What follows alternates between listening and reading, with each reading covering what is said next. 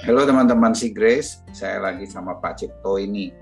Uh, saya ingin bertanya mengenai diskusi kita di si Grace minggu lalu yang terambil dari Yesaya 65 ayat 17. Sebab sesungguhnya aku menciptakan langit yang baru dan bumi yang baru.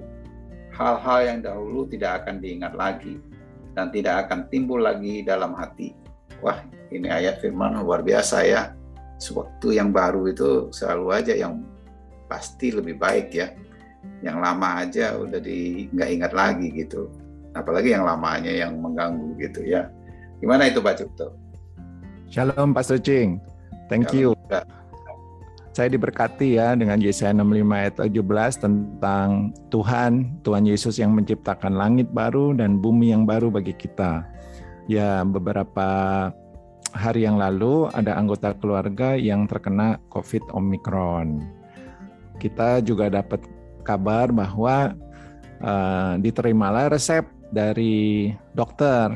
Nah, dan di dalam resep itu ada obat-obat yang ternyata masih kontroversi dan apalagi hari ini terbit uh, satu keputusan dari Satgas Covid kepala Satgas Covid yang kebetulan juga merepresentasikan uh, IDI ya Ikatan Dokter Indonesia yang menyatakan daftar lima obat yang dinyatakan tidak ada gunanya.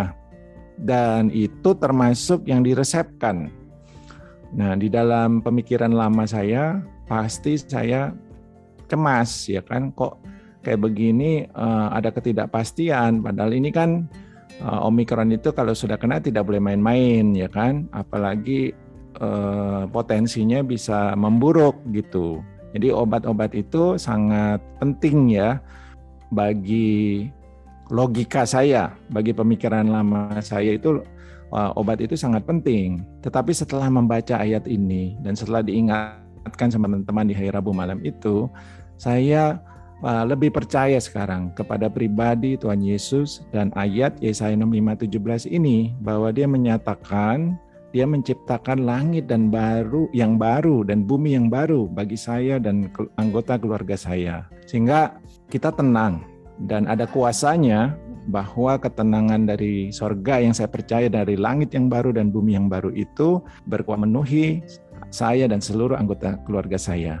Sehingga saya ketika sekarang sudah pulih, sudah sembuh, eh, COVID-nya sudah negatif, PCR-nya, saya bisa memuji Tuhan dan tidak lagi ada condemnation atau merasa uh, menuduh orang lain atau pemerintah atau bagaimana kenapa ini sampai begini kalau ada uh, konflik ya ada conflicting uh, perbedaan pendapat yang bisa membingungkan tidak ada lagi karena di sini adalah semua adalah uh, anugerah Tuhan, berkat dari Tuhan dan yang terbaik sudah disediakan buat saya sehingga saya dan keluarga saya bisa menikmatinya.